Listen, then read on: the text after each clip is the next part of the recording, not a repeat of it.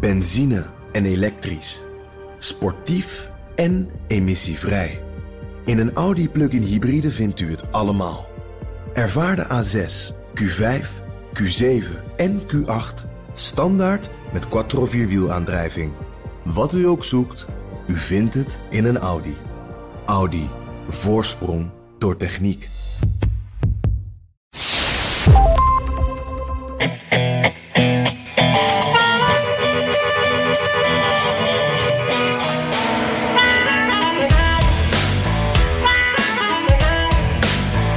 Amerika is aan het kwakkelen. Het coronaspook wil maar niet verdwijnen. De feestdagen dreigen te verzanden door acute tekorten.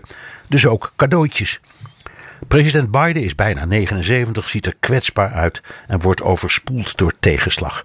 En Donald Trump bereidt zijn terugkeer voor. Komiek en talkshowpresentator Bill Maher trok miljoenen kijkers met zijn sombere conferentie over de slow-moving coup de heel langzame staatsgreep. Some presidents spend their post-presidency building homes for the poor or raising money for charity or painting their toes.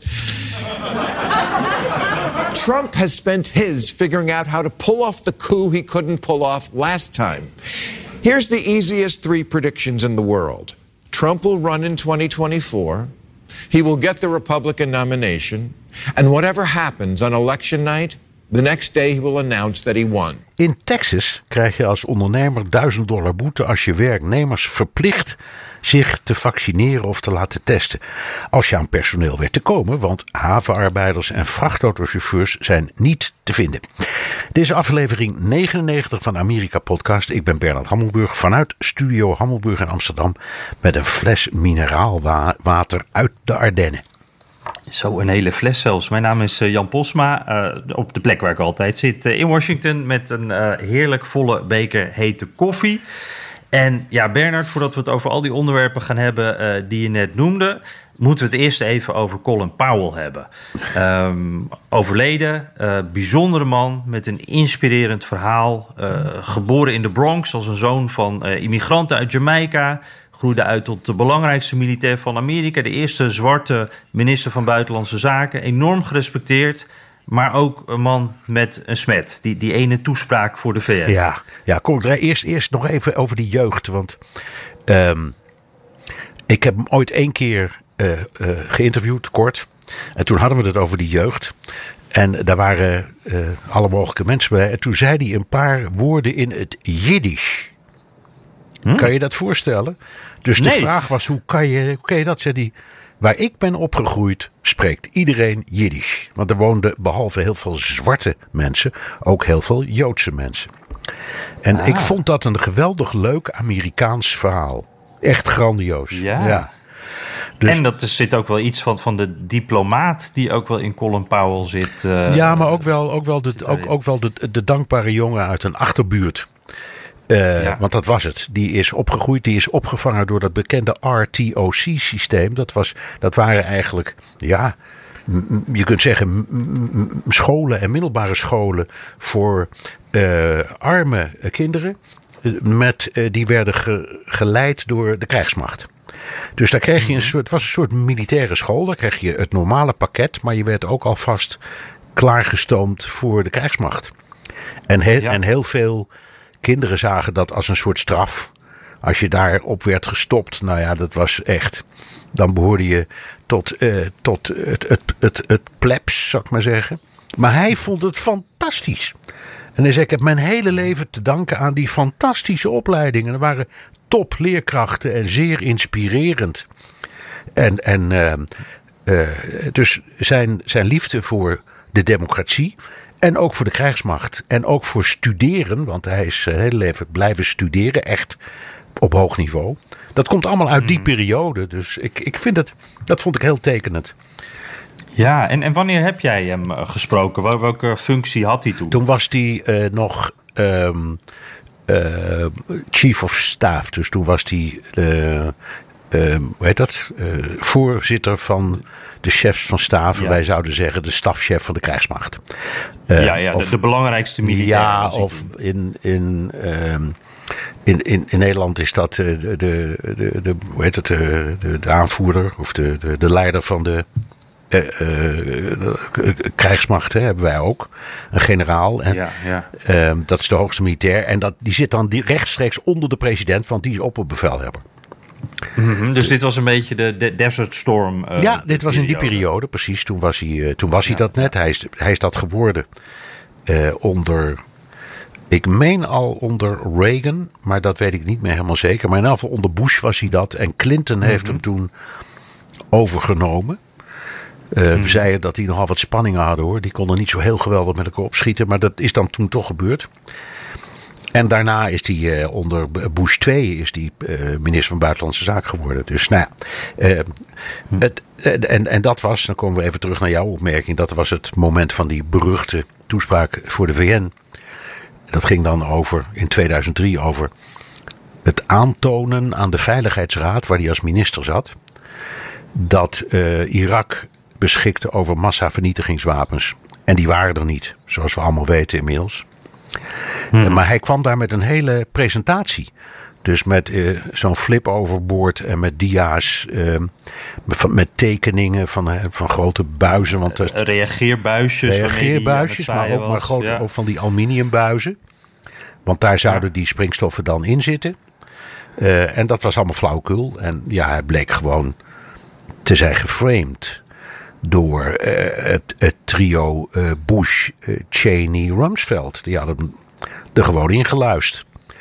Ja, dat is wel interessant, want er wordt ook altijd gezegd van die Powell die heeft eh, dagenlang met CIA-mensen gesproken hierover. Hij heeft zich helemaal gegrild, hij wilde het onderzoek, hij wilde alles weten, elk detail. Hij wilde het zeker weten. En toen hield hij dus die speech. jij denkt ook, want ik vraag me dan wel eens af, wist hij het dan echt zelf ook zeker? Nee, of heeft, nee, nee. Ja? Ik ben ervan overtuigd dat hij het niet wist, anders had hij het niet gedaan. Want als je, dan ben je gek.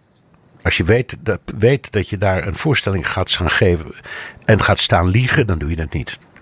Want dan denk je, dus ja. Hij was hier ook echt van overtuigd. Ja, want dan, anders had hij gedacht, het komt altijd uit. Nou, het is ook uitgekomen. En dat, daaruit leid ik af dat hij het niet wist. Hmm. En hij was er al tamelijk snel achter, achter en is ook kort daarna afgetreden en zo. Dus het was een, het was een hele, een hele rare affaire. En het heeft enorme gevolgen gehad. Want Daardoor zijn de spanningen binnen de NAVO enorm toegenomen. Dus het was niet een, een incident dat op zichzelf stond. Maar in feite is daar die enorme oorlog uit Irak uit voortgekomen. Die is nog steeds niet voorbij. Mm Kun je zeggen. En de Amerikaanse betrokkenheid is nu nog maar heel klein. Maar toch. Dus het is uh, ja, echt iets afschuwelijks. En hij, hij, vond het ook vreselijk. In zijn memoires heeft hij ook beschreven hoe verschrikkelijk hij dat vond. Nou, kan je je voorstellen? Ik wel hoor.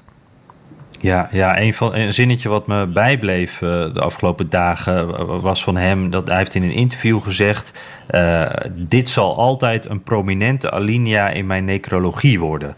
En dat, uh, dat, nou ja, dat was natuurlijk op het moment dat ik zelf zo'n necrologie over hem aan het schrijven was. En, en dat is exact wat gebeurt natuurlijk overal. Je, je leest overal van deze man is gerespecteerd. Er wordt ook echt met bewondering over hem gesproken in de Amerikaanse media. Maar als het niet het eerste zinnetje is, dan wel het tweede zinnetje. Dit moment, ja. ja, dat, dat komt altijd meteen voorbij. Ja. En natuurlijk eh, de Powell-doctrine. Uh, ja, dat is nog wel even interessant. Ja, dan gaan we wel weer even wat eh, terug naar de Golfoorlog. Ja, nou, naar de eerste Golfoorlog. Hè, toen, toen kwam die met, mhm. dat hebben ze ook gedaan toen. Uh, toen kwam die met uh, een doctrine en die luidde: als Amerika oorlog gaat voeren, dan moet dat met een kolossale overmacht. En je moet een exit-strategie hebben. Dus je moet weten wanneer je weer weggaat. En dat hebben ze in dat Desert, Desert Storm en Desert Shield. Dus de oorlog Ehm, tegen Irak om uh, Kuwait te bevrijden, want dat was de opdracht, ook gedaan. Ze zijn erheen gegaan met, uh, ik zou zeggen, maak je riemen vast als je het nu hoort, 500.000 man. Uh, daar waren ook geallieerden bij, hè? dus allerlei andere landen die mee hebben gedaan, maar toch 500.000 man. Dat is veel hoor. Ja. ja. En ze zeiden op het moment, dat, dat er is nog een enorme toestand over geweest, maar op het moment dat uh, Kuwait bevrijd is, dan gaan we weg. En uh, dat, dat moment kwam, toen had je uh, generaal Schwarzkopf, die je naam herinnert, ja. ongetwijfeld, die dan het bevel ja. voerde over die Amerikaanse krijgsmacht in Kuwait dat en Dat is de man die, die eruit ziet zoals zijn naam klinkt. Ja, precies. Ja. Grote stierennek. Ja, grote, Ik, geloof, ik, ik, geloof dat hij niet meer onder ons is, maar het was een hele bijzondere. Het was een echte ouderwetse uh, militair. En die belde dus op een bepaald moment met de president, president Bush, Bush senior. En toen stond hij in Irak en toen zei hij: Tussen mij en Bagdad ligt 200 kilometer en er is helemaal niets. Het is een lege woestijn, geen soldaten vinden. Met andere woorden, zal ik doorhalen en meteen Saddam Hussein pakken. En toen heeft Bush indachtig de doctrine gezegd: nee, want de missie is voltooid. Het was niet de bedoeling om oorlog te voeren tegen Irak omdat we iets, een conflict hebben met Irak, wat we op zichzelf wel hebben. Maar het ging om de bevrijding van Kuwait. Mission accomplished. Dat was die Powell-doctrine. Uh, en dat was heel verstandig. En daarna heeft Powell zelf alleen maar gezondigd tegen zijn eigen doctrine. Zowel in Afghanistan als Irak. Dus dat is dan weer ja, een beetje het trieste. Nou, dat is wel ook, daar zit een soort ironie ook in, toch? Van de, de, die Powell die dus zo'n doctrine heeft, die, die eerste golfoorlog waarin uh, hij ook echt een, een uitgroeit tot, tot een held. Uh, en, en, dan komt die Tweede Golfoorlog. En, en dat is eigenlijk. Hij, hij is eigenlijk gedefinieerd door die twee Irak-oorlogen. En die tweede, daar heeft hij zich in geen enkele, op geen enkele manier aan zijn eigen doctrine gehouden. Nee. Uh, ik geloof dat ook nog de steun van het publiek moet overweldigend zijn. Dat was toch ook een, een onderdeel daarvan. Ja. En dat is ook iets wat in Irak gewoon bij die Tweede Oorlog. Uh, veel ja, minder. Verpulverd is. Veel minder, ja. En we herinneren ons alleen uh, die speech natuurlijk. Maar er zit nog een ander stukje aan het verhaal. Uh, voordat die speech in de VN hield, had hij zichzelf verzet tegen Rumsfeld en tegen Cheney. Uh, om die oorlog in, te beginnen tegen Saddam mhm. Hussein. Dus hij was er eigenlijk helemaal niet voor. Op grond van zijn eigen doctrine ik vind dit niks. Als we het doen, dan moet het op dezelfde manier als de vorige keer. Nou, dat, dat was, was op geen enkele manier te realiseren. Dat zou ook geen publieke steun krijgen. Er was geen geld voor. Zoveel soldaten waren niet meer beschikbaar. Er waren allerlei redenen waarom hij als oud-generaal en inmiddels minister van Buitenlandse Zaken zei: ja, daar kunnen we beter niet aan beginnen. En vervolgens moest hij um, de strategie en de reden en ik zal maar zeggen, de casus belli voor de VN gaan staan verdedigen met een gelogen verhaal. Verschrikkelijk is dit. Ja, ja, ja, ja, ja. En, en uh, ik, dat blijft toch ook wel iets bijzonders. Want het lijkt me een hele. Uh, het is een krachtige man. Anders word je niet wat hij is geworden. En tegelijkertijd was hij dan. wordt gezien als, als de stem van de, de reden binnen dat Witte Huis van Bush. De, de, de man die het opnam tegen de Haviken. je noemde ze net al, hè, Cheney, Rumsfeld. En dan is toch deze man, die dus het tegengeluid was, uh, die is toch dat gezicht geworden van die oorlog. Ja. Hij heeft wel iets. Uh, ja. Nou, hij is tamelijk snel afgetreden. Hè? Uh, dus dus hij, hij is wel consequent geweest, moet ik zeggen hoor. Mm. en daarna heeft hij niet alleen nou ja, ik zal maar zeggen, in, in, in, in woord en beeld, om het zo maar te zeggen, voortdurend zelf uitgelegd hoe het allemaal had gezeten. Dus hij was er heel eerlijk over. Ik, denk niet dat die man was geen leugenaar. Uh, en hij had ook altijd dat, dat sussende, wat hij gewoon in zijn karakter had. Dat is hij de rest van zijn leven blijven gebruiken.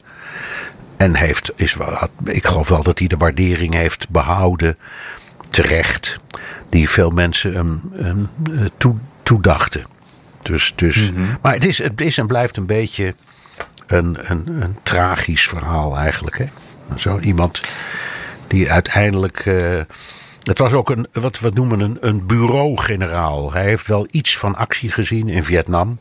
Maar ook daar mhm. en in alle andere kwesties waar hij bij betrokken is geweest, had hij voornamelijk bureaufuncties. En hij is dus ook opgeklommen geklommen tot generaal. Van de ene bureaufunctie naar de andere. Dus het was geen Schwarzkopf die voor die enorme ervaring had op het slagveld. Ik dacht dat, uh, dat uh, Powell in ieder geval nog wel een, Purple Heart ook Ja, maar dat komt dus hij, hij wel... Jawel, en die, ik, ik praat er te makkelijk over. Want hij heeft in Vietnam een paar soldaten uit een brandende uh, helikopter gered. Dat oh. is een reden om een Purple Heart te krijgen. Hè? Dat je dus met gevaar voor eigen leven andere soldaten redt. Um, nou ja, en hij is daar ook een keer, dat was een beetje triest, maar dat, is ook niet minder erg. Lopend in een van die gruwelijke bamboe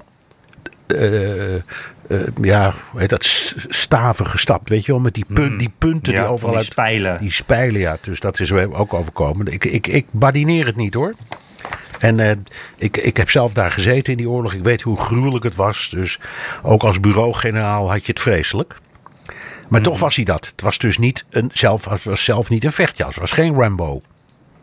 Nee, nee, nee. En, en uh, even nog um, uh, los van die VN-speech, waar we het nu uitgebreid over gehad hebben als ik dan die verhalen hoor over Powell, over hoe dat dus een stem van de reden is, een redelijke man, iemand die ook uh, niet hing aan een politieke partij, het was een republikein.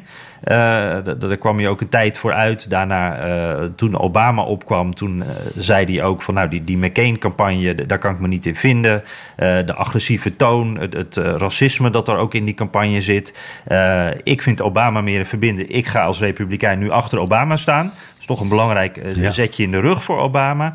zo iemand die over partijen heen kan kijken... die, die eigenlijk als een soort... ja, die boven die partijen staat. Ik denk dat, nou, dit is een beetje treurig gezegd misschien, maar hij is eigenlijk iemand uit een andere tijd. Dat, dat missen we op dit moment. Maar jij stuurde me straks nog, wat was het, een tweet toe van. Uh, of een berichtje van, ja. van, van, van Trump, die, die het een rhino noemde. Dus een, een Republican in name only. En die was ja, heel, heel, heel, minachtende tekst. Um, ja. Dus in republikeinse uh, kring werd en wordt er zo naar hem gekeken. Iemand die. Uh, McCain liet vallen. En dat vonden de meeste Republikeinen toch een buitengewoon fatsoenlijke man. Uh, En dat was echt een oorlogsheld bovendien. Uh, en toen verkoos hij toch Obama. Weet je wel, toen kwam hij ook spreken op de, op de conventie. Ja. Nou, dat was echt een gebeurtenis. Dat zal ik niet snel vergeten. En jij waarschijnlijk ook niet. Nee, precies. En belangrijk ook voor, voor Obama natuurlijk. Ja, het, het, maar ik, ik denk toch ook dat onder Republikeinen is dat respect er toch ook wel voor, voor Powell. Het ik hoop niet dat iedereen ernaar kijkt zoals Trump uh, dat nee. omschreef in dat berichtje. Uh, wat wel heel uh, denigrerend was. Ja, dat, dat, dat, dat, dat vind ik ook zo. Het hoort niet. Je mag best, vind ik, objectief en eerlijk terugkijken op wie zo iemand is geweest. Dat doen wij ook, vind ik. En ik moet zeggen, de meeste necrologieën die ik lees, die zijn behoorlijk objectief en uitgebreid en, en ook goed geschreven. Maar wat hij doet is gewoon natrappen. Hij staat echt mm. te dansen op het graf, bij wijze van spreken. Ja, dat hoort niet.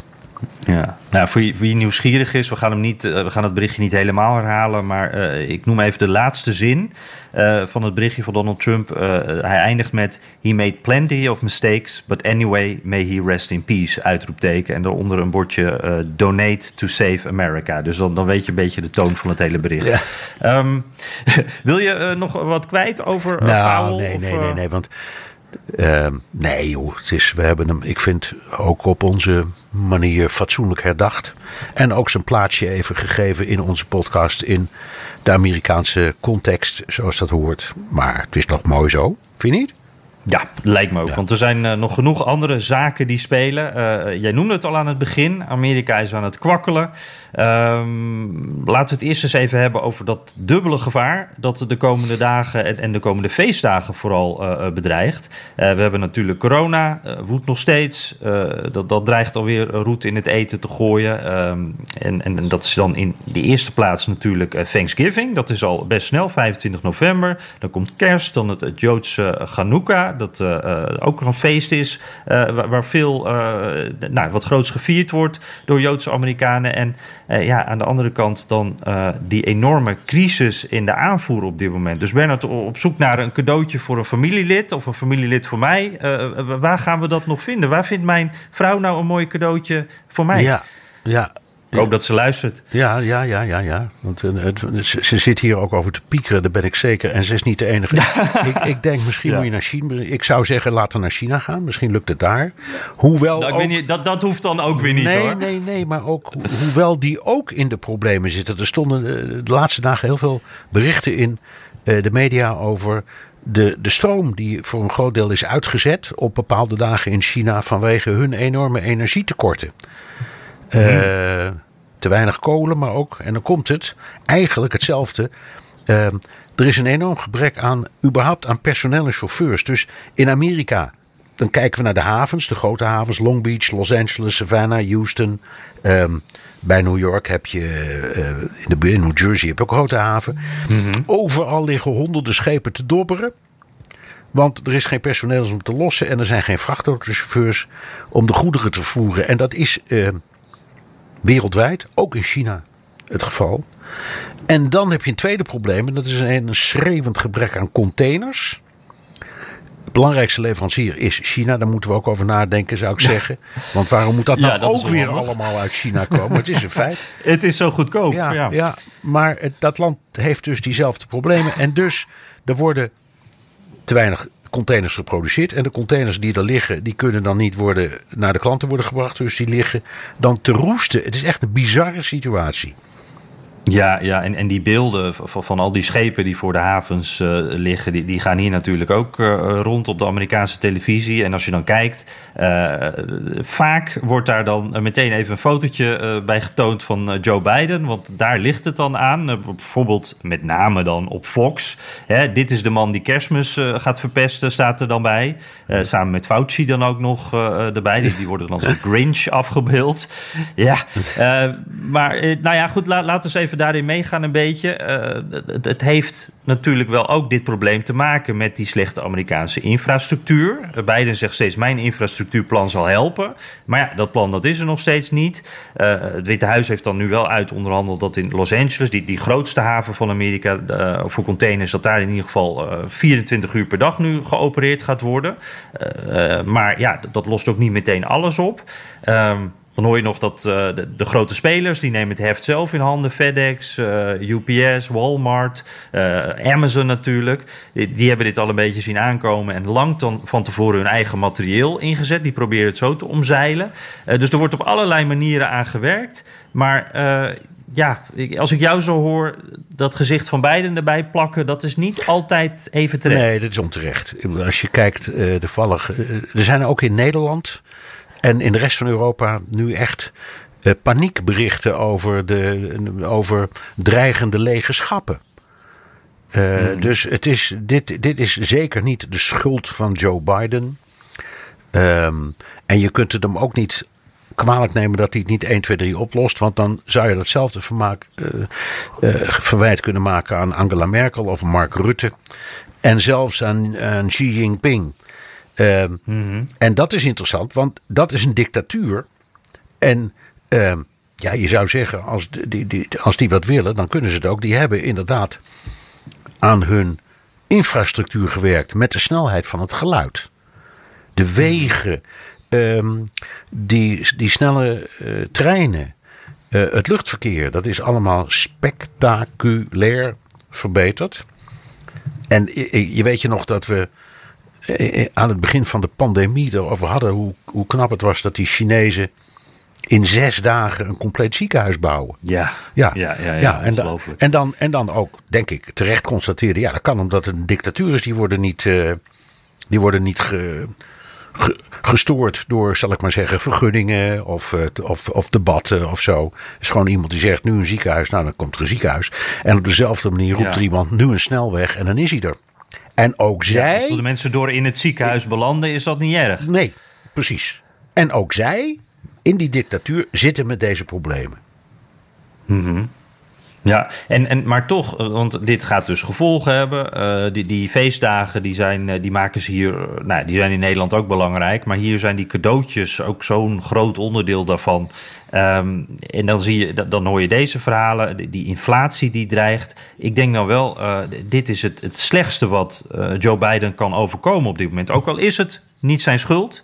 Uh, dit zal hem wel aangerekend worden, want hij is de president. En nu voelen die Amerikanen het straks misschien wel tijdens kerst in hun portemonnee en onder die kerstboom. Dat is eigenlijk bijna worst case scenario, ja, toch? Ja, je hebt helemaal gelijk. Uh, die hele eh, kersttijd is in een groot deel van de wereld natuurlijk heel belangrijk met cadeautjes en zo. Maar wat de Amerikanen doen. Uh, het is echt zo dat tussen, normaal gesproken tussen Thanksgiving, als de mensen beginnen in te kopen voor de feestdagen, en uh, oudjaar, ongeveer nieuwjaar, dat de, meeste, zeker ehm, winkelbedrijven, uh, en, en koopwebsites en zo. bijna hun totale jaaromzet hebben te danken aan die periode. Dus, dus daar, wordt, daar wordt enorm. Dat is een hele belangrijke periode. Je hebt helemaal gelijk. Als daar een kink in de kabel komt, ja, dan is er maar één schuldige en die heet Joe Biden. Hm. Ja, ja, ja, En het is sowieso een, een rare eh, situatie ook op dit moment wel. Want we hebben, er spelen echt wat dingetjes tegelijk. We, hebben net die havens genoemd, de gevolgen daarvan. Uh, je ziet ook tegelijkertijd op de arbeidsmarkt, uh, nou, het wordt hier uh, Strike-tober genoemd, oktober en strike, dus stakingen. bij John Deere fabrieken zijn ze aan het staken, bij Kellogg's zijn ze aan het staken. allerlei um, ja, het zijn ook ziekenhuizen die, die erover nadenken. Op allerlei plekken wordt gestaakt of daar wordt over nagedacht. En, en dat gaat allemaal ook om hoger loon, om in vakantiedagen, betere arbeidsomstandigheden. Eh, het, het rommelt een beetje op al die vlakken voor mijn gevoel. Als je al die dingen zo bij elkaar uh, neerlegt. Dat klopt ook. Uh, en dit soort spanningen zie je, hoewel niet zoals in Amerika, toch wel op heel veel plekken. En het heeft te maken natuurlijk met de combinatie van, uh, dat is de perfect storm. Hè? De, de, corona heeft een hele hoop uh, roet in het eten gegooid in het arbeids... Zichtbaar gemaakt. Zichtbaar gemaakt, arbeidsproces verstoord. Um, en, en het gebrek aan containers, zo lullig als het klinkt, dat is echt een van de belangrijkste oorzaken. Um, en dan heel veel mensen die door de combinatie daarvan zijn weggelopen. Hè? Uit de verpleging, uit de bediening in restaurants, uit het vak van vrachtautochauffeur. Dus wat we nu zien aankomen, denk ik, is een longronde. Het kan bijna niet anders. Uh, op een bepaald moment, eh, met al die dreigende stakingen of stakingen die er al zijn, denk ik dat ook de federale overheid zal zeggen: Nou, dan moet er maar een bij. Dus lonen omhoog. En dat heeft dan weer gevolgen voor de, de prijzen. Dat heeft gevolgen voor de inflatie. Dat heeft dan uiteindelijk ook gevolgen voor de wereldeconomie. Maar het voordeel daarvan, als ze daartoe besluiten, dan, dan, ja, dan geven ze wel de contouren van de afloop aan. dan kun je zeggen, dan, als, als, ja, op de arbeidsmarkt, als de werkgevers daaraan toegeven, dan komt er af, gaat de zaak in ieder geval weer draaien. Dus, en er zijn heel veel economen die zeggen, nou, zo zal het dan wel gaan. Maar ja, mhm. het inflatiespook dreigt. Ja, ja, ja, ja. En dan alleen al, al die berichtjes over uh, de prijzen aan de pomp. Als ik zie hoeveel mensen hier daarover klagen. Alhoewel het vergeleken met Nederland natuurlijk nog uh, niks voorstelt. De helft, de helft, de helft. Ja. Ja, precies. Dus ik reken het, ik reken het om altijd. Als ik uh, in, in, in New York tank, dan sta ik, sta ik echt te rekenen met een potloodje en een papiertje. Want dan moet je omrekenen, want een gallon is bijna 4 liter. En een, ja, en een ja. mijl is 1,6 kilometer. Dus dat is even een rekensommetje. Maar het komt erop neer dat benzine kost daar denk ik 5, 5,5 dollar per gallon. Als je het omrekent, zit je krek op de halve prijs van wat we in Nederland betalen. In Nederland ligt die rond 2 euro. Dus hij ligt daar rond een, rond een euro. Toen ik, toen ik, toen ik uh, in Amerika kwam wonen, was geloof ik een gallon 34 dollar cent, Jan. Ja. Ja. ja. Dat is uh, Saudi-Arabië bijna ja. qua prijs. Ja, en zelfs toen, dat was in, de, de Jakarta-tijd, kreeg je een benzinecrisis en stonden er dus kolossale rijen uh, voor de pomp. Was een van de redenen waarom uh, Carter de, de, verkiezingen heeft verloren. Dus zelfs toen, met, die, met die prijzen. Ja. Ja, ja, ja, ja. En nu, uh, de filmpjes op uh, social media zijn populair om een, uh, een stickertje van Biden naast de, op de pomp te plakken. En dan die foto's dan te delen. Dus dat is een beetje hoe er nu gedacht wordt. Ja. pas op, Joe Biden. Ja. Um, nou, wacht even, nog één ding. Ze hebben wel een punt. Die discussie speelt overal, ook in Nederland. Voor, voor als jij een, een, een liter benzine koopt, gaat net iets de meer, meer dan de helft, geloof ik, van wat je daarvoor betaalt, gaat, is naar accijns en BTW. Mhm. En in Amerika is dat niet anders. Daar heb je ook accijns en sales tax. Uh, dus pas op, hè. Het is niet, uh, die is daar veel lager, gelukkig. Daarom is de benzineprijs mhm. lager. Maar... Ja, en er wordt ook wel gezegd van die beiden met zijn groene maatregelen... en, en die pijpleidingen die hij dan uh, tegenhoudt. Dit zijn de gevolgen, nu zie je het. Zorg dan eerst voor een alternatief. Ja, ja. Ja, dus, ja en ik las, ook weer, ik las ook weer ergens een stukje ik geloof in een, in een krant uit West Virginia. Dus of het helemaal klopt, weet ik niet, want die zijn partijdig. Dat om, om die reden toch uh, ook de regering Biden weer wat milder kijkt naar kolen. En het zou, hmm. zou best eens waar kunnen zijn hoor. In afval tijdelijk. Ja, ja, ja. Want dat heeft dan ook. Maar goed, daar gaan we het later nog wel weer een keer over hebben. Dat heeft dan vast ook weer met Joe Manchin te maken. Die senator uit West Virginia. Die ook de kolenbelangen natuurlijk goed in de gaten houdt. Biedt hem in zo'n dus, game, hè? Ja. Ja, ja, precies. Uh, hey, maar uh, om weer eventjes uh, terug te gaan naar het huidige gekwakkel. want dat hangt natuurlijk ook allemaal samen met de manier waarop het tempo, vooral waarop corona wordt verslagen. Hè? En, en daar is ook echt geen reden voor optimisme, nog steeds niet. dat, dat vaccin hebben we het al vaker over gehad. Dat is echt een symbool van verzet geworden voor veel mensen. de echte kerels en, en vrouwen doen daar niet aan. Uh, het is een politiek statement. En, en nou ja, een duidelijke, duidelijke voorbeeld kan je er bijna niet vinden van dat soort gedachten uh, is Texas. Uh, daar had jij het in het begin van de podcast ook al even over. Ja, dat gebeurt, vind ik echt iets krankzinnigs. Ehm, en even voordat we erover hebben. Hmm. Dit wordt geen gesprek over voor of tegen vaccins. Dat moet, ah, de disclaimer. De disclaimer, ik zeg het omdat we daar vaak uh, uh, luisteraarsposten over hebben en met elkaar hebben afgesproken. Wij zijn geen uh, deskundigen. dus, dus dat laten we even lopen. Ik heb er persoonlijke mening over. Ik ben erg voor die vaccins, maar dat moet iedereen voor zichzelf weten. Maar wat gebeurt er nu? Mm Gouverneur Abbott van Texas, die draait het om. Die heeft dus een decreet afgegeven waarin, waarin hij bepaalt dat werkgevers kunnen worden beboet tot 1000 dollar als ze van hun werknemers eisen dat die gevaccineerd of getest zijn. En dat geldt niet alleen voor de private sector, dat geldt ook voor ziekenhuizen, scholen, verpleeghuizen, overheidsinstellingen. En ik, ik, ik kijk daarnaar en ik denk, ja, maar dat is on-Amerikaans. Ja. Want dat je, dat je tegen mensen zegt: ja, we kunnen je moeilijk dwingen om je te laten vaccineren, dat kan ik me voorstellen. Dat bedrijven dan zeggen: ja, maar wij willen toch wel heel graag dat de werknemers dat wel doen of zich laten testen. Dat kunnen we ons ook allemaal voorstellen. Maar dan kun je dan overleggen: hoe doen we dat dan? Maar hij draait het dus om. Hij zegt: ik leg bedrijven die dat soort dingen eisen een boete op. Ja, ja, ik, ik, was echt, toen ik dit hoorde, Bernard, ik, was, uh, ik hoorde, hoorde ook in jouw stem, ik was echt verbijsterd. Dit gaat zo in tegen alles wat, wat, daar altijd gezegd wordt in die conservatieve hoeken. Uh, republikeinen die altijd zeggen van houd de overheid uit mijn leven, ten koste van alles. Ik heb niks, wil ik met die overheid te maken hebben. Lang leven de vrije markt voor bedrijven. Die moeten gewoon zelf kunnen doen wat ze willen. dit is hoe het kapitalistische systeem werkt. Je kan ze straffen door niet te kopen van die bedrijven. Niet te veel regels. En dan, dit is het tegenovergestelde. Ik vind het echt bizar. Het is, het, is, het, is, het is echt. En vooral, ik vind het on-Amerikaans. Dat, dat vind ik dus. Ja. Ja. Ja, ja het is dus een soort. Uh, je hebt die, die uh, principes. Uh, conservatieve principes waarvan ik dacht, dit zijn keiharde principes voor deze groep Amerikanen. En dan komen andere principes voorbij. En dat is in dit geval die politieke strijd ook om, om dat vaccin. En die, dan worden die keiharde principes ineens boterzacht. En dan gaat het dus om die politieke strijd ja, toch, hè? Ja, het, uh... ja, nou ja, en het feit, nogmaals, dat je zegt... ik doe wel of geen vaccin, of ik doe wel of niet een test... dat, dat, is, dat is een aparte discussie. Maar een mm overheid die zegt... ik straf werkgevers die dat soort dingen eisen van hun werknemers... ja zeg. Dat, ja. dat, dat, dat, de... ja, dat, is, dat is dictatoriaal. Ja, ja de, de, de krant, een van de grootste kranten van Texas, misschien wel de grootste, de Houston Chronicle, uh, die had er een commentaar over waarin ze echt uh, tekeer gingen tegen deze maatregel. Uh, ze zeiden van Texas heeft tegen de 70.000 coronadoden. ja, waar streven we dan na? 85.000, 100.000?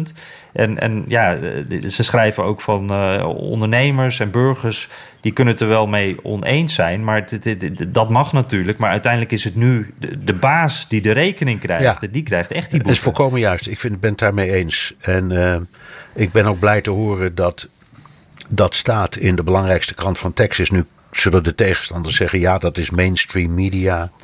En die, mm. en die lullen elkaar allemaal na. Dat zal wel. Maar toch vind, ben ik het hier helemaal mee eens. En dan heb je natuurlijk ook de reuzen in het bedrijfsleven, zoals American Airlines. Dat is gevestigd in Dallas. En nog een aantal van dat soort bedrijven. En die zeggen: uh, we lappen dit allemaal aan onze laars. Want we gaan af op de richtlijn die de federale regel gaat stellen. Namelijk dat uh, alle bedrijven en instellingen met 100 personeelsleden of meer van hun werknemers een vaccinatiebewijs of een wekelijkse negatieve test mogen eisen.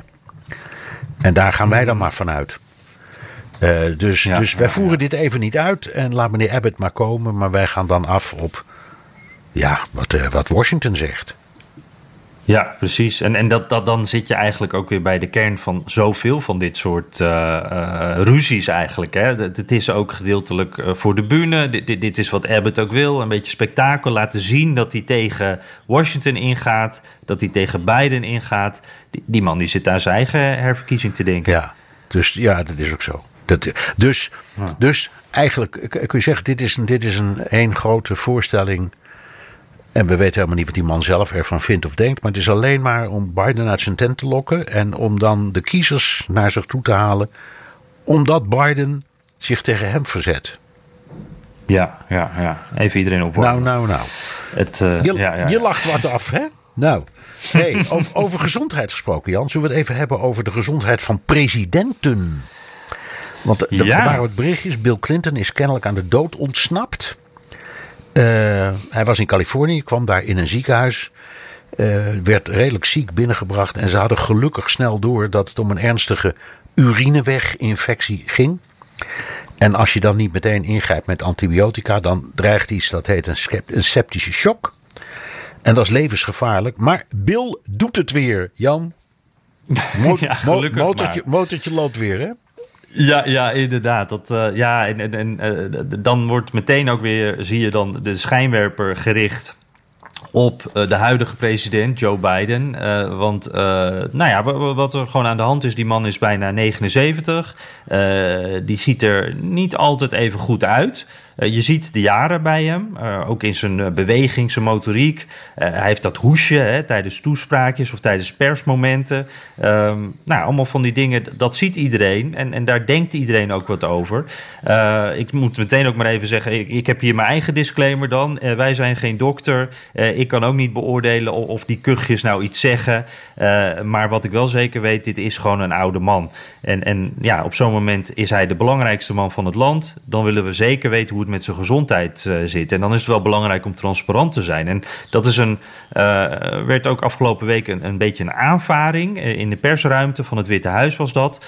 Uh, toen uh, werd voor de zoveelste keer gevraagd van... Uh, ja, wanneer gaat Biden nou zijn check-up doen, zijn medische check-up... dat hij naar de dokter gaat en dat we allemaal horen hoe het met hem gaat. Nou, de woordvoerder Jen Psaki zegt... nou, niks aan de hand, binnenkort gaat dat gebeuren... maak jullie allemaal niet zo druk. En die werd er zelfs een beetje geïrriteerd over. Maar het is wel wat, wat achterdocht. En dat heeft ook met de vorige president te maken. Trump die hield heel veel geheim... Of, of dan liet hij zijn dokter een beetje aanrommelen uh, met de waarheid. Dat, dat, zo, zo leek dat echt. Dan kreeg je zo'n nou, bijna Noord-Koreaanse verklaring... Dat, dat Trump eigenlijk gezonder was dan, dan menselijk mogelijk. En uh, nou, de, de vogels uh, begonnen te fluiten toen ik Trumps bloeddruk had. Dat soort verhalen. dat zal Biden niet doen. Maar ik, heb, ik vraag me toch altijd af bij die presidenten... De, de, wat krijgen we nou wel te horen? Krijgen we alles te horen of worden er toch ook wat dingen verborgen gehouden? Nou... Mijn indruk is dat uh, we het meeste te horen krijgen. Ik weet niet of we alles te horen krijgen. Want ja, ook een president heeft recht op, op privacy. Maar de belangrijke dingen, zoals de belangrijke functies. Dus hart, bloedvaten, uh, uh, de organen, weet je, al dat soort dingen. geheugentestjes die ze altijd doen. Mm-hmm. Dat zijn hele belangrijke dingen. En het is een soort traditie geworden hè, om, om, om die die tests openbaar te maken. En, en artsen dan verklaringen te horen afleggen.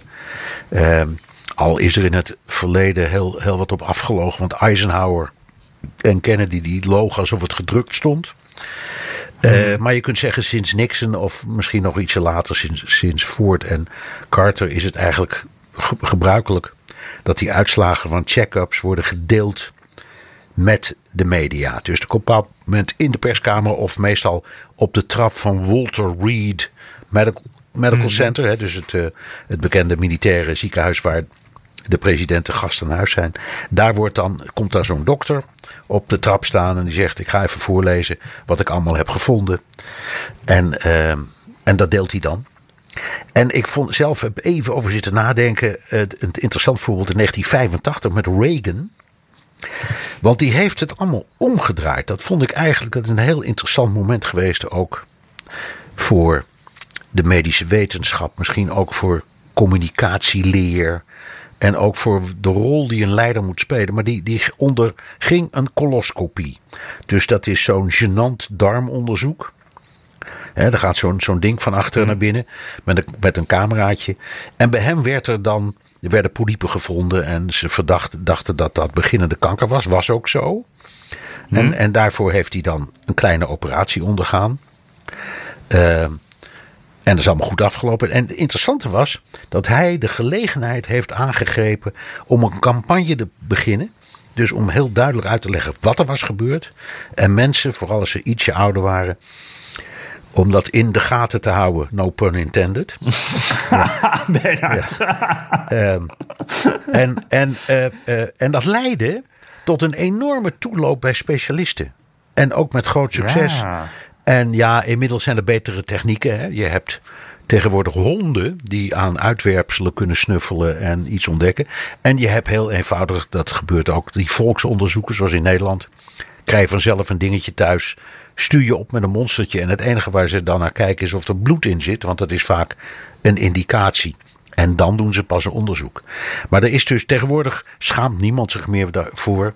Uh, en uh, behalve Trump misschien. Maar, uh, maar nou, daar noem je wat. vertel. ja, nou ja, precies. Het, uh, dat is een verhaal wat recentelijk naar buiten kwam via Stephanie Grisham. Dat was een tijdje woordvoerder hè, van, van Trump. Alleen hoorden we haar nooit het woord voeren, want ze gaf geen persconferenties. nu heeft ze wel spijt van de, haar tijd in het Witte Huis. Want ze heeft zo'n tell-all boek geschreven. waarin allerlei dingen staat, waaronder ook. Uh, Trumps mysterieuze, zag ik tussen aanleidingstekens, bezoek in 2019 aan hetzelfde Walter Reed ziekenhuis.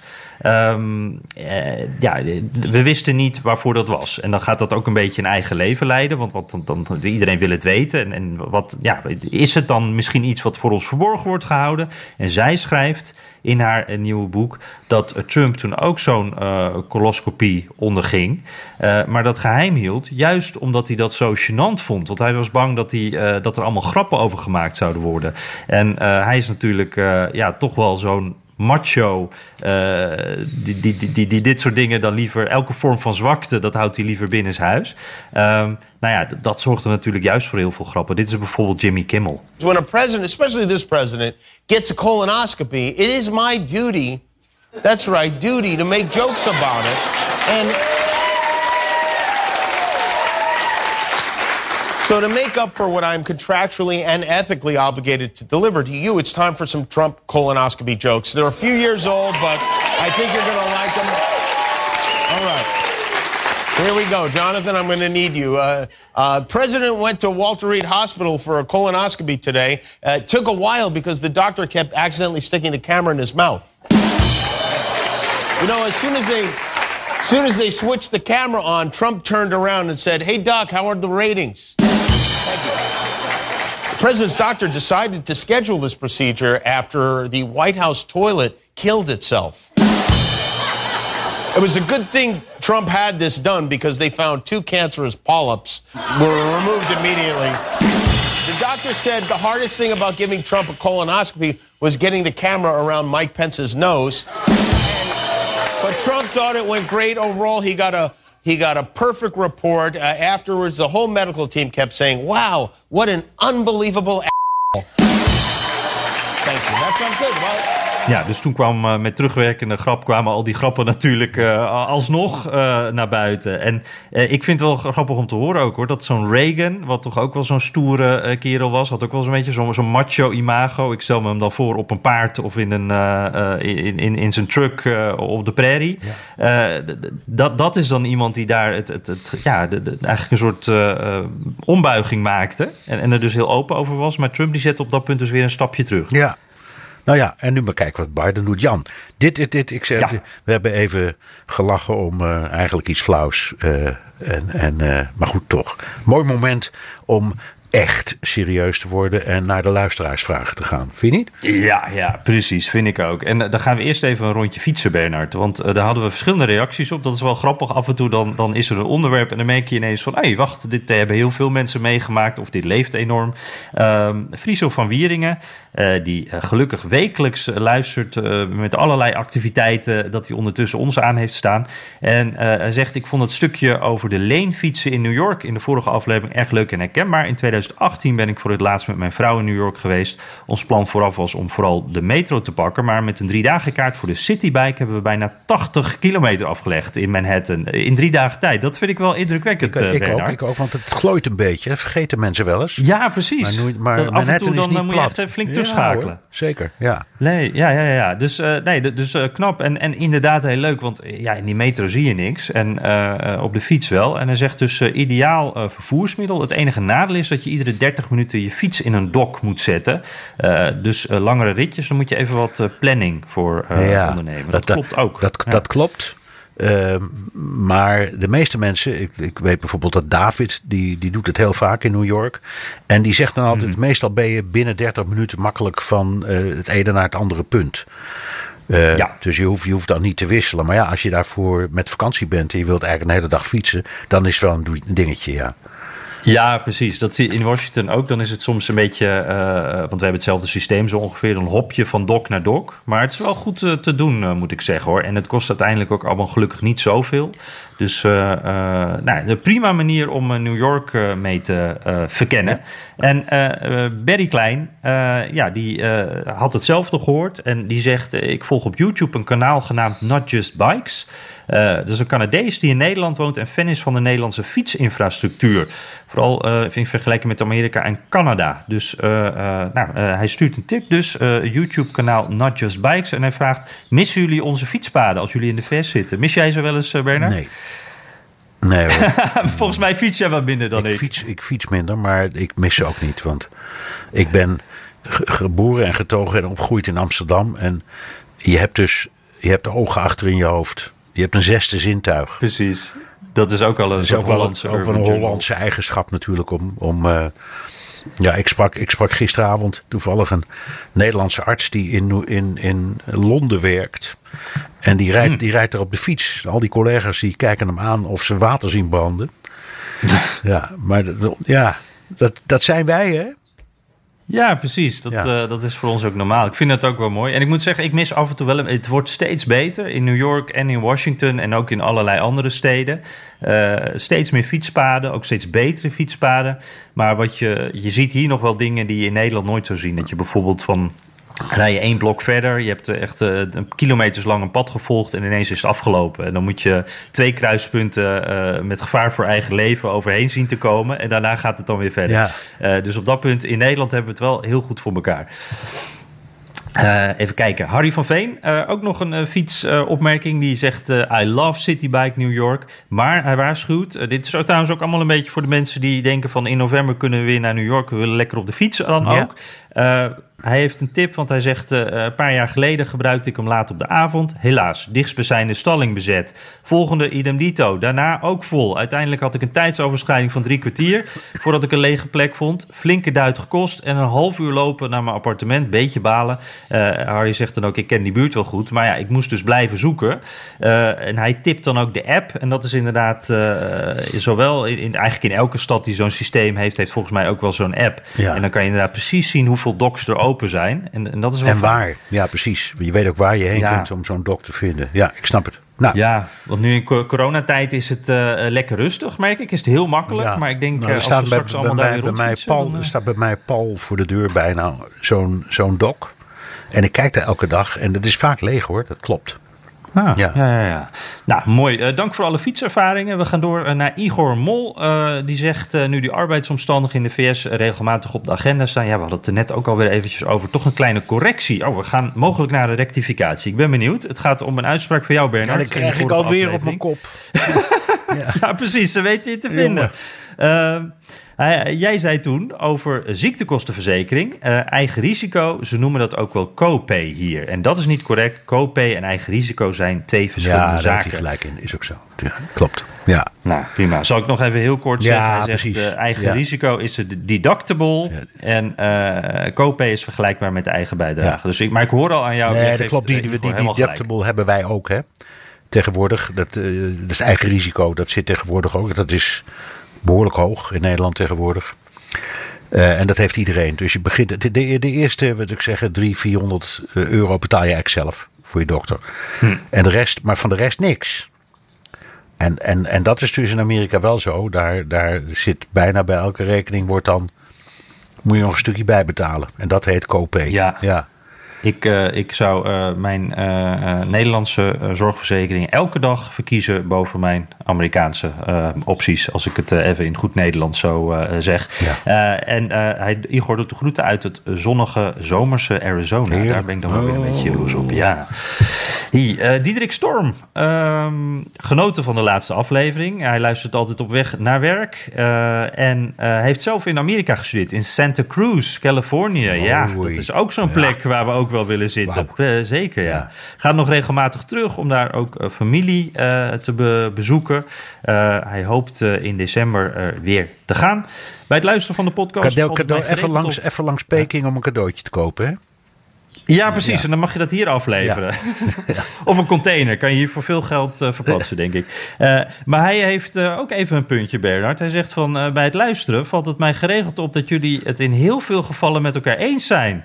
En dat is uiteraard geen verwijt. Ik ben benieuwd, zijn er onderwerpen ten aanzien van de Amerikaanse cultuur of politiek waar jullie een radicaal andere mening over hebben? Ik kan me één onderwerpje herinneren dat we ja, het oneens dat waren. kan, vertel. Maar ik radicaal oneens zijn we het niet. En dat is ook niet ik zal maar zeggen, de bedoeling van wat wij doen. Hè. Wij, eh, misschien zijn we het, verschillen we wel eens een beetje van mening of we hebben een andere analyse, daar gaat het meer om. Maar we willen proberen uit te leggen hoe het land in elkaar zit, hoe het werkt, waarom de politiek functioneert zoals die is, hoe de samenleving zit.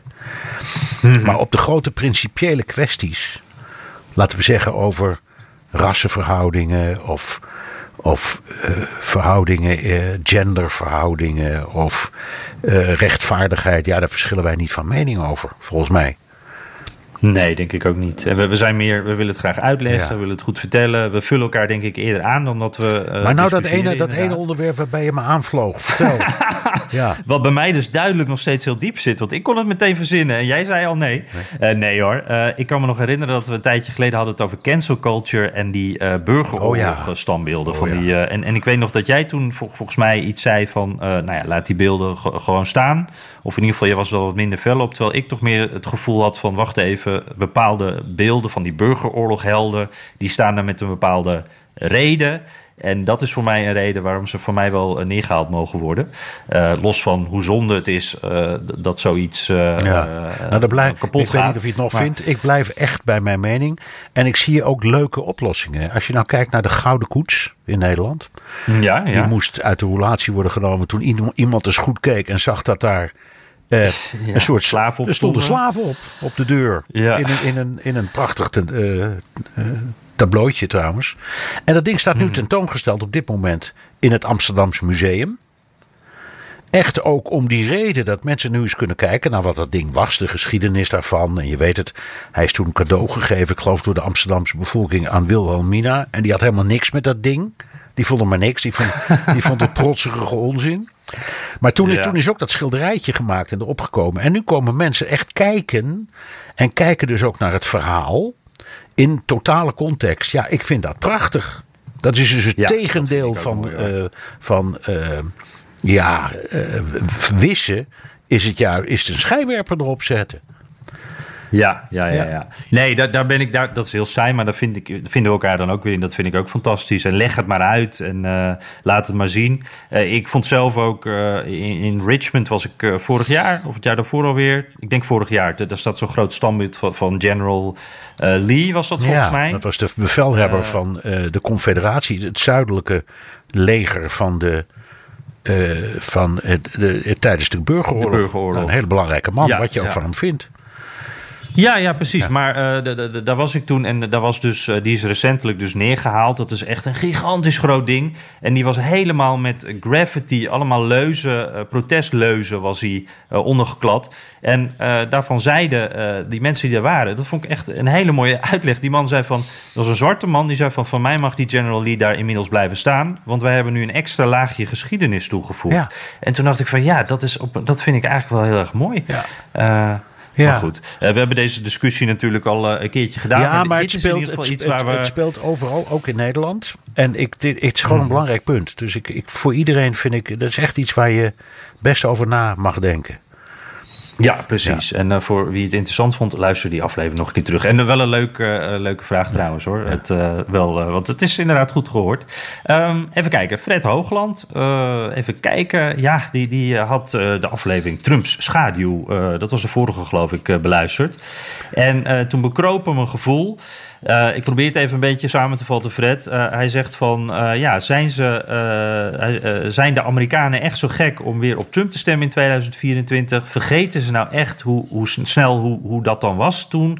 zijn ze kortzichtiger dan wij Nederlanders? Hoe kan het dat het merendeel van Nederland met, met, met kromme tenen kijkt naar wat er gebeurt in Amerika en dat ze in Amerika alles vergeten en, en Trump straks weer een podium gaan geven? Ja, ja. ja nou ja, ik, eerlijk gezegd het, het, is de Amerikaanse president en niet de Nederlandse. Dus wij kunnen daar van alles van vinden, maar we gaan er niet over. Hè? Dat zijn de Amerikaanse hmm. kiezers die dat uitmaken. Dus we kunnen het heel goed uitleggen. En het gaat in, in, in zoverre over Nederland dat het consequenties heeft. En als hmm. Trump terugkomt, dan heeft dat ongetwijfeld enorme consequenties voor, ik noem maar wat, eh, de NAVO. Uh, internationale betrekkingen. Geopolitiek betekent dat heel veel. Um, en misschien ook voor andere verhoudingen. Je hebt gezien hoe restrictief um, het inreisbeleid is geworden. Niet alleen voor immigranten, maar gewoon in het algemeen. Nou, dat heeft Joe mhm. Biden weer een beetje teruggedraaid. Als Trump komt, wordt het weer aangedraaid. Dus uh, al die mensen die naar Amerika willen, ik zou zeggen, doe het nog even snel. Maar ook in hij is flauw. nee, maar ik bedoel dus, dus ja. maar wij gaan er niet over. En, en, um, nee. en het enige wat wij uitleggen is hoe groot die steun is, want die is groot. En we kunnen het niet genoeg zeggen. Je kunt zeggen, ruwweg de helft van Amerika is republikein. En van die republikeinen is geloof ik 72% er nog altijd min of meer zeker van dat Joe Biden de verkiezingen heeft gestolen. Mhm. Dus dat is eh, een kwart of een derde van het volk. Ja, daar kun je van vinden wat je vindt, maar het is een feit. Ja, en, en voor, een, een, voor die 70 procent uh, en voor een groot deel van de Republikeinse Partij uh, is Trump dus ook niet een, een enorme uh, uitzondering, zeg maar. Is dat niet een extreem figuur? Die staan achter hem, die, die, die vinden de dingen die hij zegt, daar zijn ze het mee eens. Ja. misschien niet met alles, maar dan wel met het grootste gedeelte. En dan vinden ze hem in ieder geval beter dan een democraat verkiezen. En zo wordt er dan naar gekeken. En ik moet wel zeggen, het, dat hebben we vorige keer natuurlijk ook besproken. ik krijg wel een beetje kippenvel van hoe er om wordt gegaan met de, de bestorming van het kapitool. Uh, je noemde net al uh, de beweringen van verkiezingsfraude. Uh, ja, de, de, hele grote groepen geloven dat inmiddels. Dat, dat is ook toch onderdeel van de Trump-show. En daar gaan ze wel zo in mee, inderdaad. En dat, dat is wel ja, angstaanjagend ook. Ja, maar ze zijn er zelf bij, Jan. dus ja. er staat geen pistool ja. op hun borst. nee, ze, worden niet, ze worden niet geknot in wat dan ook of beperkt in wat dan ook. Ze mogen zeggen en doen wat ze willen, net als jij en ik. En, en dat ze ook wel moeten we ook blijven uh, benadrukken. Dat al die meningen en opvattingen voor en tegen Trump, voor en tegen Biden, ga je zo worden. Die kun je allemaal in Amerika van de daken schreeuwen, voor een camera schreeuwen, in de krant zetten. Het mag allemaal. Er is niemand die er iets tegen zou willen doen. Dus het is in, in, dat, in dat, dat opzicht is het nog steeds the land of the free. Zeker. Het is alleen dat de helft van het land niet luistert en de andere helft wel. en vice versa. Maar goed.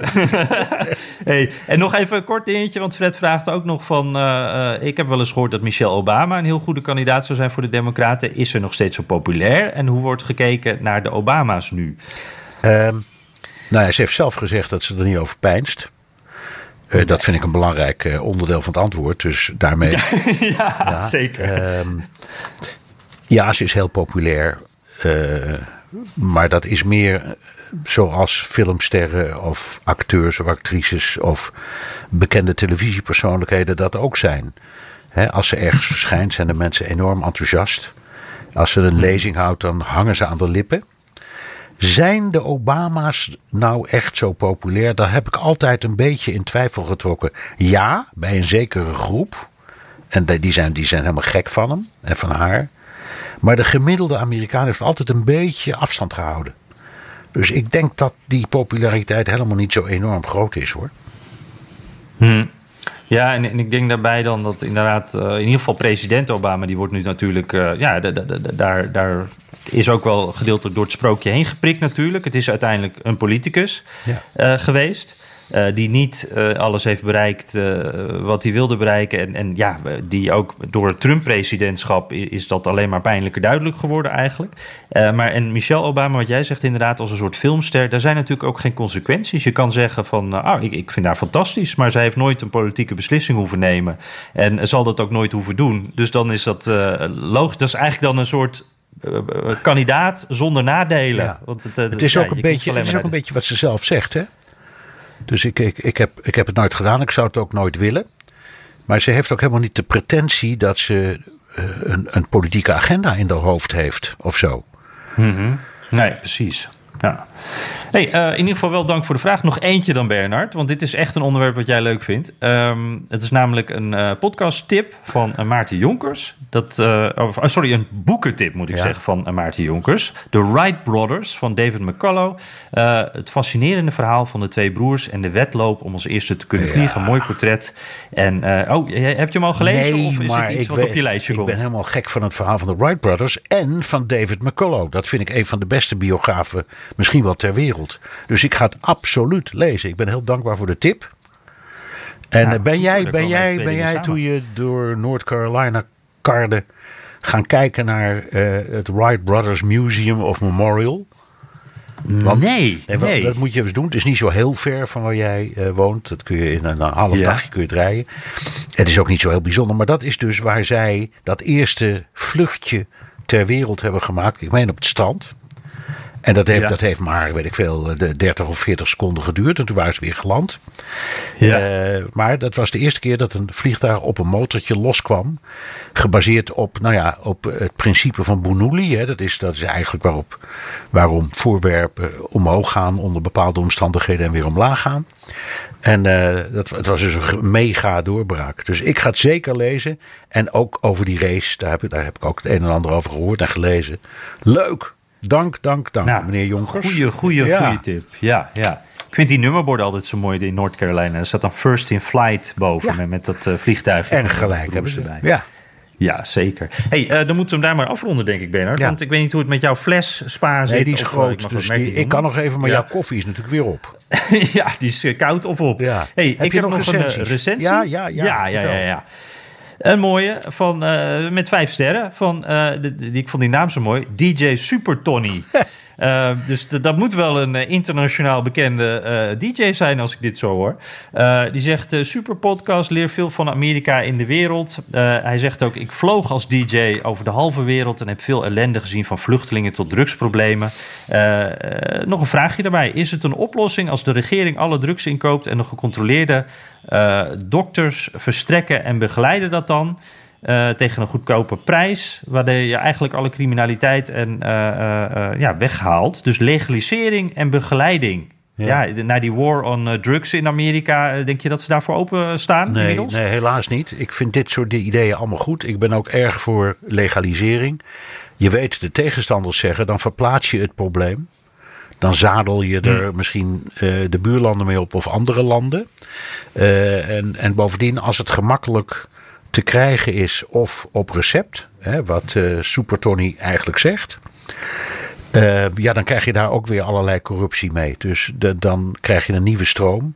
Dus ik zie meteen de beer op de weg. Maar ik vind, het, ik vind het fantastisch. En ik zou willen dat ze in Amerika naar wilden luisteren. Maar het probleem is tweeledig. In de eerste plaats zeggen heel veel mensen om principiële redenen. Je kunt geen misdadige handelingen legaliseren. En dat is de handel in drugs per definitie. Want het is bedoeld om mensen verslaafd en ziek te maken. En je hebt enorme weerstand tegen al dit soort ideeën uit religieuze hoek. En die, hmm. die weerstand is zo mega groot dat ik geen regering of president van welke ehm, kant nou ook in staat zou achten om daar iets aan te doen. Al hebben we dan een kleine kanttekening met wiet natuurlijk wel een verandering gezien eh, in Amerika. Ja, dat is wel wat geliefd. Ja, ze zijn in Amsterdam wezen kijken en dachten dat kunnen wij ook. Ja. Ja. Oké. terugluisteren kan via de BNR-site, Apple Podcast en Spotify. Heb je vragen, opmerkingen, kritiek of complimenten, dan kan dat ook. Met een tweet naar Jan Posma USA of BNR De Wereld. Of heel ouderwets met een mailtje naar dewereld.bnr.nl. Ja, en dan heb ik nog een, uh, een, spannende dienstmededeling. We hadden er al wat mailtjes over gekregen van oplettende luisteraars die zeiden: Wacht eventjes, jullie zijn naar een jubileum aan het uh, werken. Uh, volgende week zitten we, of, komen we met de honderdste editie. Maar uh, vanwege uh, de inreisproblemen, coronadingetjes, uh, moeten we een plan voor een mooie jubileumuitzending, een mooie viering nog eventjes een beetje uitstellen. We hopen dat live te gaan doen. We zouden het helemaal fantastisch vinden om dat met jullie te doen. met publiek dus. We gaan het doen. De vraag is alleen nog even wanneer. Dus ik zou zeggen, stay tuned. Uh, wij zijn in ieder geval klaar voor, Bernard. Absoluut. Ja, en er wordt, we zijn er ook bij BNR echt, echt mee bezig om te kijken of we een mooi plan kunnen maken. Uh, en, en dan zou het mooiste zijn als jij en ik samen met publiek ergens zitten en een speciale aflevering kunnen maken met wat toeters en bellen. Komt een hoop voor kijken. Bijvoorbeeld, ja, jij moet naar Nederland kunnen en ook weer terug kunnen naar Amerika. Dus, ja, dat is best belangrijk. Ja, ja, ja, we moeten je kunnen in- en exporteren, Jan. ja, in zo'n container. Ja. Uh, ja, en we moeten natuurlijk een plek vinden. Dus uh, we gaan een stadion vinden dat groot genoeg is voor jullie allemaal. En uh, tot die tijd zeg ik tot volgende week.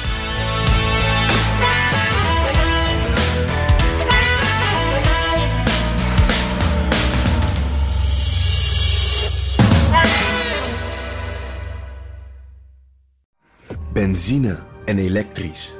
Sportief en emissievrij. In een Audi plug-in hybride vindt u het allemaal. Ervaar de A6, Q5, Q7 en Q8 standaard met quattro vierwielaandrijving. Wat u ook zoekt, u vindt het in een Audi. Audi. Voorsprong door techniek.